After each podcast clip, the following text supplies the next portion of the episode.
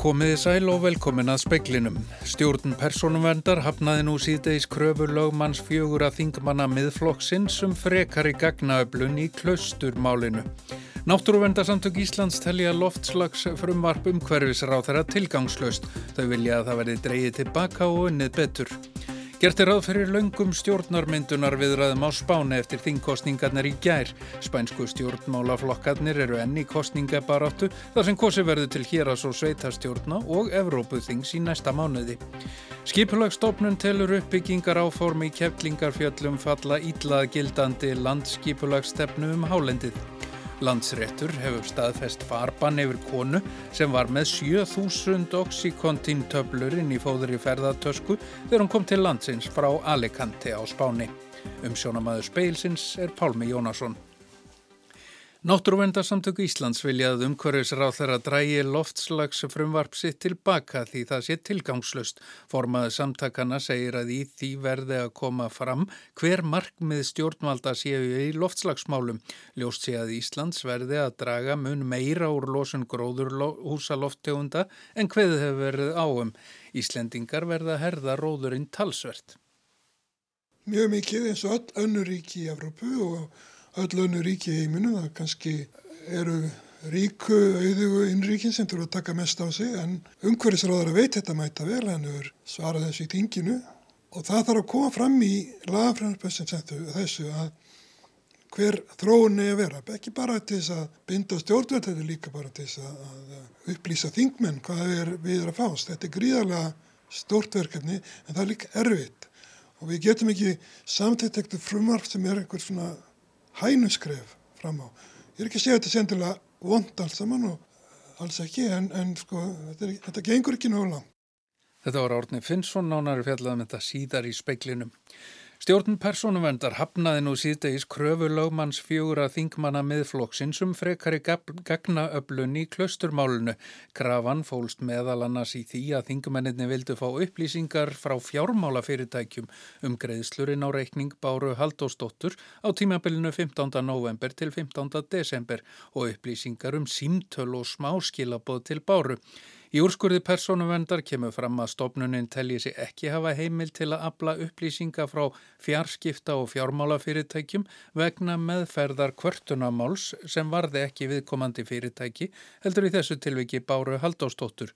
Þá telur stjórn personuvendar að atvik málsins verði talin nægilega upplýst til að stopnunin geti komist að efnislegri úrlausn. Stjórnmálaskýrendur á Spáni gera ráð fyrir löngum stjórnarmyndunar viðræðum eftir þingkostningarnar í gær. Engin flokkur fekk næjanlegt fylgi til að geta mynda stjórn án aðstóðar annara.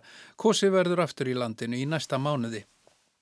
Pedro Sánchez fórsætti sér á þeirra og sósélista flokkur hans fengu mest fylgi, tæp 29%. Hann þarf því að áliti stjórnmálaskýrenda að afla sér stuðningsvinstriflokksins Podemos og nokkura smá flokka til að geta mynda stjórn eða leita út á miðjuna sem almennt er talið ólíklegra. Hægri flokkarnir þrýr sem náðu mönnum á þing hafa ekki nægan styrk til að mynda stjórn. Spánverjar ganga næsta kjörborðinu 27. mars þegar kosið verður til bæjar og hérastjórna auk kostninga til Evrópuþingsins. Ólíklegt er talið að ný stjórn verði mynduð fyrir þann tíma. Kristína Narbora, formaður flokks sósélista, sagði í útvarpsviðtali í dag að flokkurinn væri enn í kostningabaróttu þannig að ekkert lagi á að mynda nýja stjórn. Best væri að býða útkomunar úr þeim kostningum áður en ráðust yrði í stjórnanmynduna fullum krafti. Samkvæmt viðbröðum á spænskum fjármálamarkaði dag má þó ráða að fjárfestar telji óstöðuleika framundan. Meiri órói var í spænsku kauphöllinni í dag en á fjármálamarkuðum annara Evrópuríkja. Í lokviðskipta hækkaði spænska IBEX 35 vísitalan þó þannig að hún endaði örlítið herri en við upphaf viðskipta í morgun. Ásker Tómasson sæði frá og ítalega er fjallaðum spænsku kostingarnar síðar í speklinum. Sigmundur Davík Gunnlaugsson, formaði miðflokksinn, spurði forsætisráð þeirra hvort hann væri sammála fyrir yfirlýsingum fjármálaráð þeirra um innleiðingu þriðja orkupakkans að ekkert lægi á og að rávorkumál á Íslandi séu ekki innri markaðsmál ESB. Forsætisráð þeirra segir að svo leið sem lögð er felli í sér fyrirvara sem standist á skoðun að Ísland verði ekki knúið til að leggja sæstreng, ekki nema alþingi taki þá ákvörðun í framtíðinni.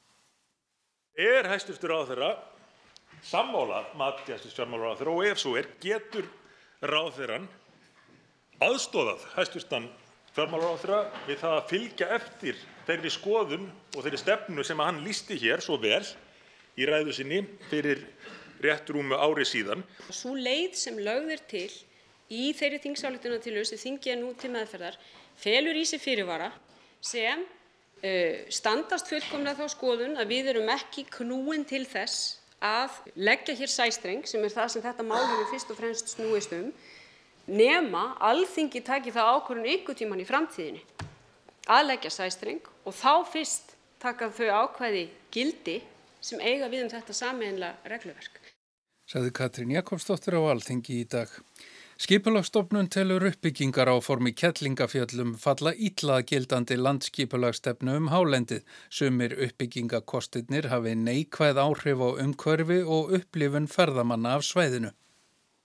Fyrirtækið Fannborg sem rekur ferðarþjónustu í Kerlingafjöllum laði til fjóra mismunandi kosti í matskýrslu fyrir uppbyggingu á þessum vinsæla ferðamannastað. Skipulagstofnun telur uppbygginguna geta haft en veruleg neikvæð áhrif og reyna á þólmörk ferðamennsku á sveiðinu. Kostin fjórir felaði sér mismikla uppbyggingu.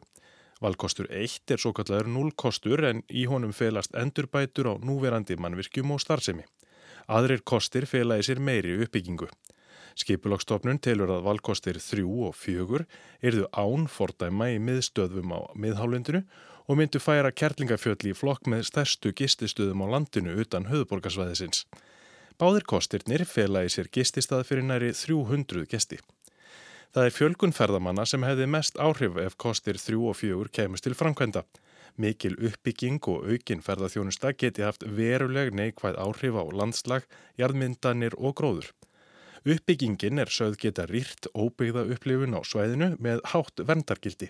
Skipulagsstofnun leggur þá til að ákvörðunum uppbyggingu verði frestað en það sé það stefnastjórnvalda að stopna þjóðgarð á miðhálendinu. Birgir Þór Harðarsson sæði frá.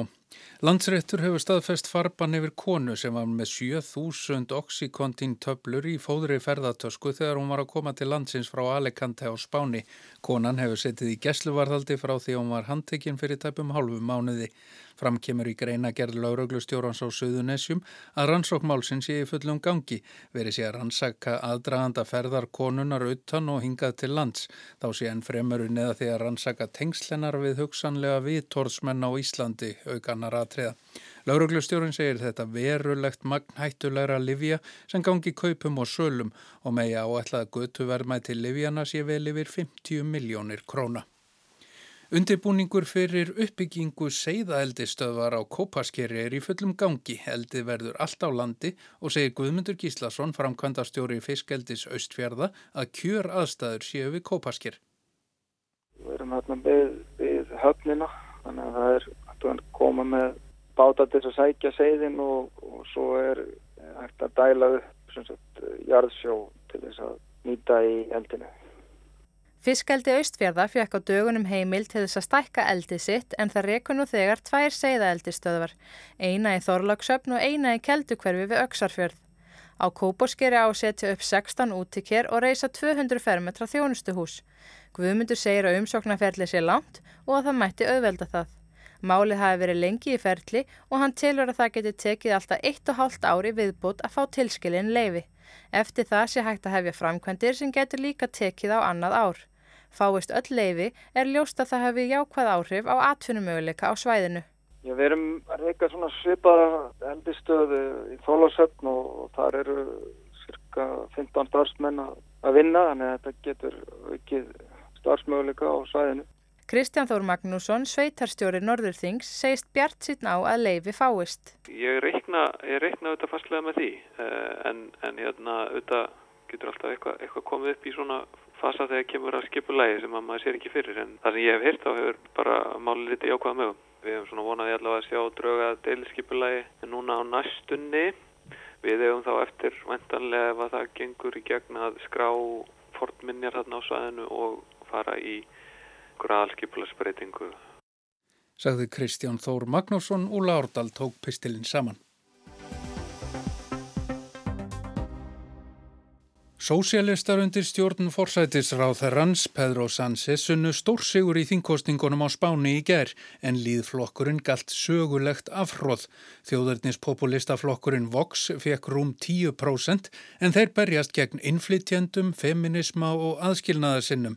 Það stefnir allt í fyrstu samsteipu stjórnina í sögu líðveldisins. Hemos hecho que pase. El Partido Socialista ha ganado las elecciones generales. Y con ello, y con ello ha ganado el futuro y ha perdido el pasado. Forsætisráþarann Pedro Sánchez ávarpar stuðningsmenn sína og segir að sósialistar séu sigur vegar á kostningana. Það þýði að framtíðin hafi unnið en fortíðin tapað. Flokkurinn fekk 29% atkvæða en var með 23% árið 2016. Sósialistar verða langstæsti flokkurinn á þingi með 123 þingmenn af 350. Þingmennum flokksins fjölgar um 38 frá síðustu kostningum. Þetta dugir þó ekki til meiri hluta og talið er fullvíst að myndu verði samsteipustjórn í fyrsta skipti í sögu spánar.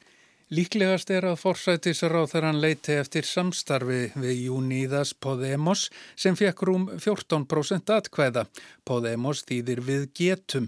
Þetta er populistaflokkur til vinstri sem var stopnaður 2014 og berst gegn spillingu og ójöfnuði.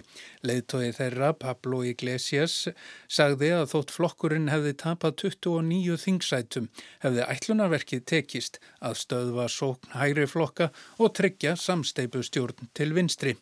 Talið er líklegt að þessir tveir flokkar nái saman en það dugar þó ekki til.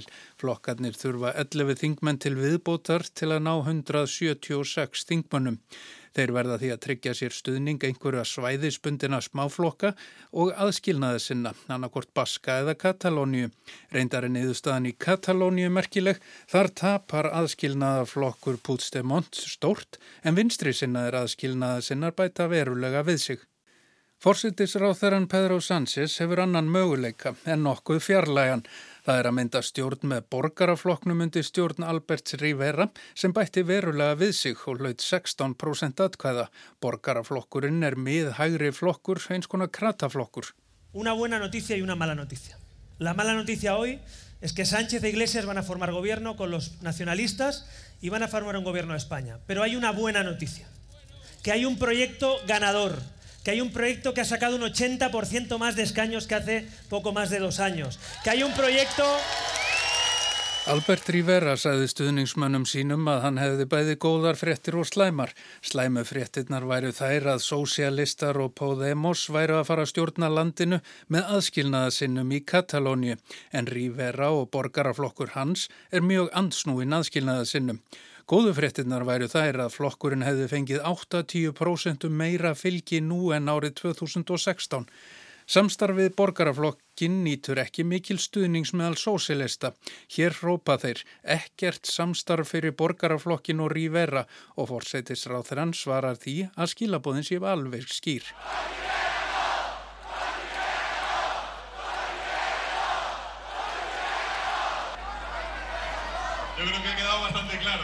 Á hægri vagnum eru breytingarnar umtalsverðar. Líðflokkurinn á rætur allt aftur í falangist á tímum Frankos og er hinn hefðbundni valdaflokkur til hægri. Hann galt algjört afhróði í kostningunum í gær, tapaði 71 þingsæti og fekk innan við 17% atkvæða. Það er vestan nýðustada í sögu flokksins. Forsýður stórublaðana El País og El Mundo fjalla báðar um sögulegan ósigur líðflokksins. Stóri sigurvegarinn á hægri vagnum er Santiago Abascal og þjóðarni sinnaður populistaflokkur hans, Vox. Flokkurinn fekk 0,2% í síðustu kostningum en fekk nú yfir 10% atkvæða.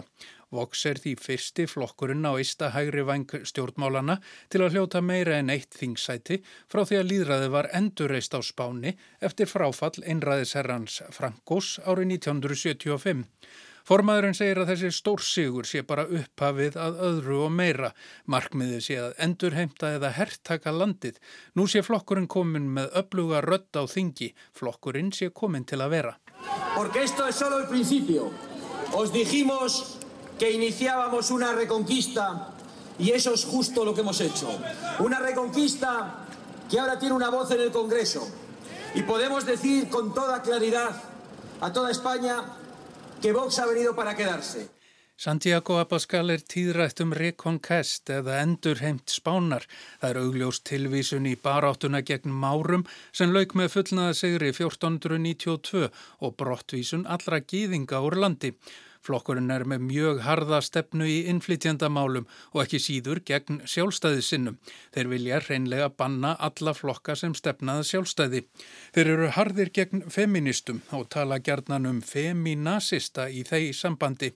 Pólitísk rétthugsun er að samaskapi eitur í þeirra beinum. Sjálfstæðistilburðir Katalóna hafa gengt líkil hlutverki í spænskum stjórnmálum að undanförnu. Spánski fánin fór að blakta á svölum annar staðar á Spáni og þjóðverniskend fór vaksandi. Líðflokkurinn þótti höndla það mál ítla og þá stóran þátt í fylgistabi hans. Hófsamari kjósendur þeirra hölluðu sér að borgarafloknum en hinn er íhaldsamar eða voks. Pablo Casado, formaður líðflokksins, brást við þessu fylgistapi með því að færa áherslur flokksins langt til hægri. Það fjall ekki í frjóan jarðveg meðal hefðbundina stuðningsmanna á miðjunni. Formaðurinn sagði fyrir kostningar að hann myndi ekki víkja þótt kostningarnar færu ítla en talið er fullvíst að hann eigi ekki sjö dagana sæla framundan.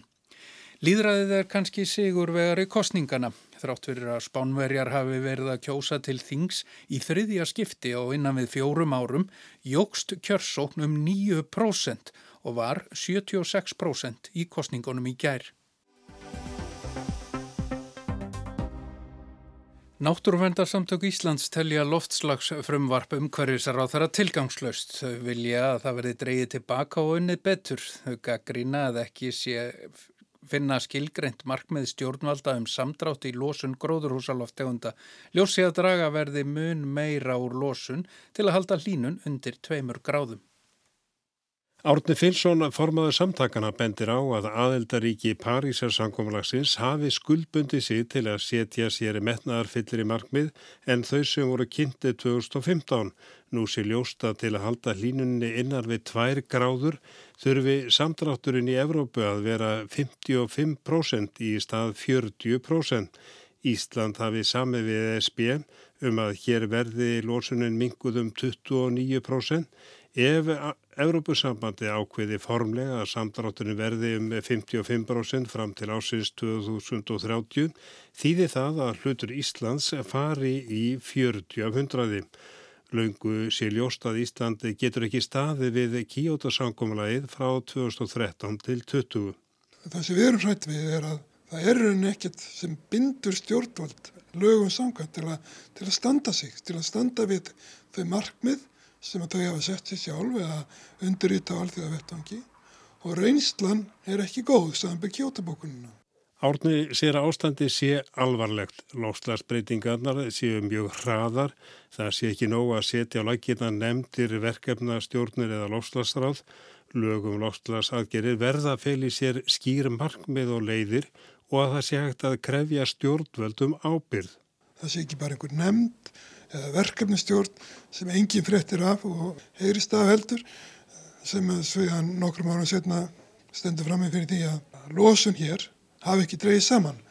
Þá getum við nefnt að sko, ástandi er það alvarlegt í lofslagsmálum. Lofslagsbreytingarnir eru svo hraðar. Bráðunum ísins á norðurslóðum grænlandsísins er hröð. Ef ekki næst árangur í Íslandi fyrir 2021 eða 2022 þegar við höfum að skila gera grein fyrir okkar árangur í vanandi kjótabókununa. Ef við höfum ekki náða að draga úr losun verulega strax þá, þá missir almenningu trú og von trú á stjórnmálumannum og vonum að það sé hægt að gera. Samtökin vilja að í lofslagsfrumvarpinu sé skýrar hvið á um hvernig eigi að ná markmiðum í lofslagsmálum.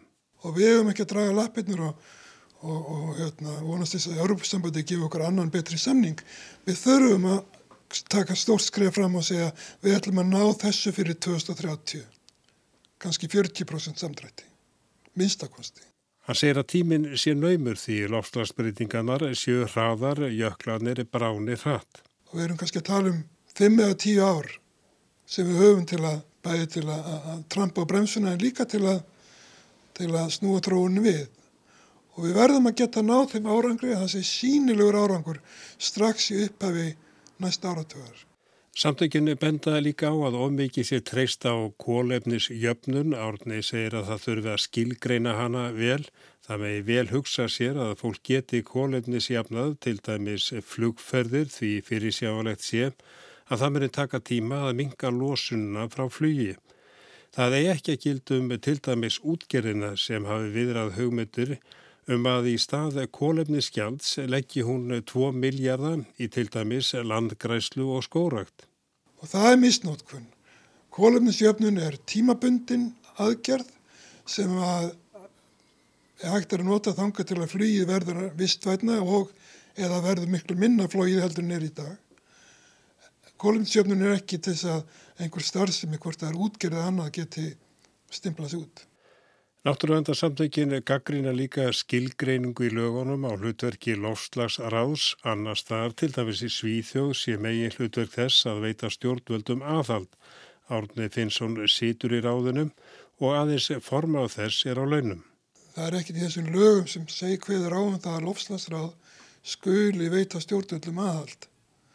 Heldur er talað um að ráð þeirra feli ráðunu verkefni og þá erum við ekki að veita honum að haldra á þeirra heldur eh, er hann að fyrir okkur að gera eitthvað sem honum finnst gott að við gerum. Ráði þarf að hafa stöðu til að stunda sjálfstæðaransóknir á því sem stjórnvöld hafa gert eða verða að gera og kannski hvort það hafa náð þeim árangrið sem að þau hafa sett sér. Og en aftur við hefum ekki náð settum, settum marki varandi kjótabókunina og við þurfum að geta greint hvað gerðist, hver svaf á verðinum.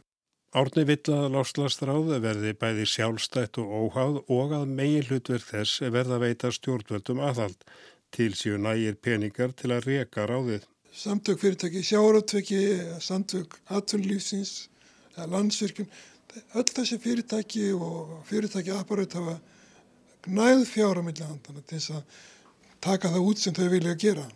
En uh, almenningur hefur það ekki. Það vandar einhvern aðeins í þessu tjófélagi sem að getur virkilega fyllt eftir og, og, og krafi stjórnvöld ábyrðar.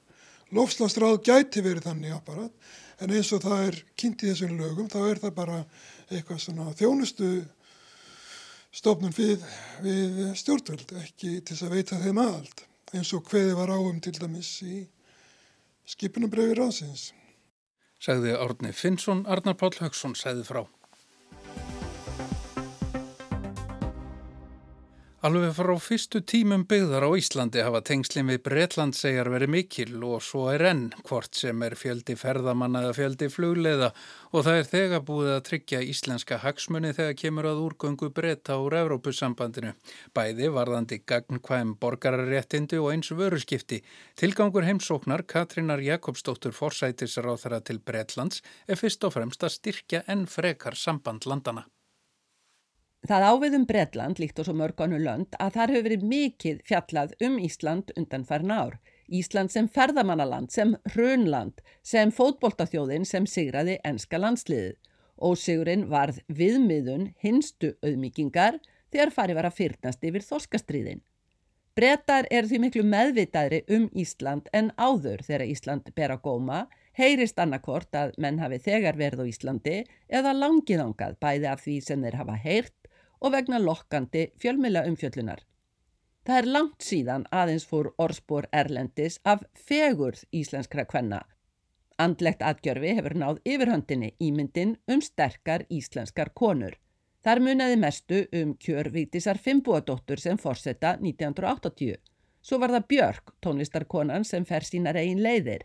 Í lok mæ sínir San Francisco ballettin svo ballett við Bjarkartónlist þegar Helgi Tómasson ballettstjóri verður hér í borginni með hópin sinn. Leikonan Ilmur Kristjánsdóttir sem Hinrika, lauruglukonan í ófærð, var þar hinn mesti senuþjófur og liður í miklum vinsaldum þáttaraðana tvekja. Bóksteinunar Siguradóttur um heiðu fjattalabónda kom út í Breitlandi fyrir skömmu. Í vikulögum þætti BBC um bækur og menningu nýlega var heiða einn viðmælanda. Líf sveitabarts og fyrirsætt út í heimi Bondin heiða og baráttukonan fyrir náttúruvend hljómar eins og ævintýri í bresku samhengi.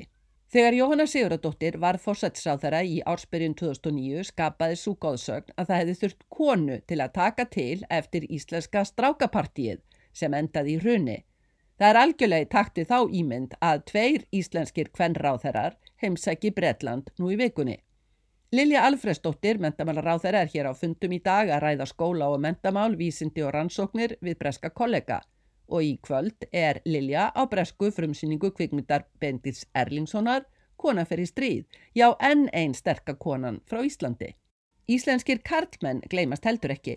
Íslenskir fótboltamenn hafa lengi gert gardin frægan hér í Breitlandi. Þegar listamærin Ólafur Eliasson lísti Tate Modern sapnið upp með sólinni sinni 2003 var sett aðsóknar með sapsins sem enn stendur.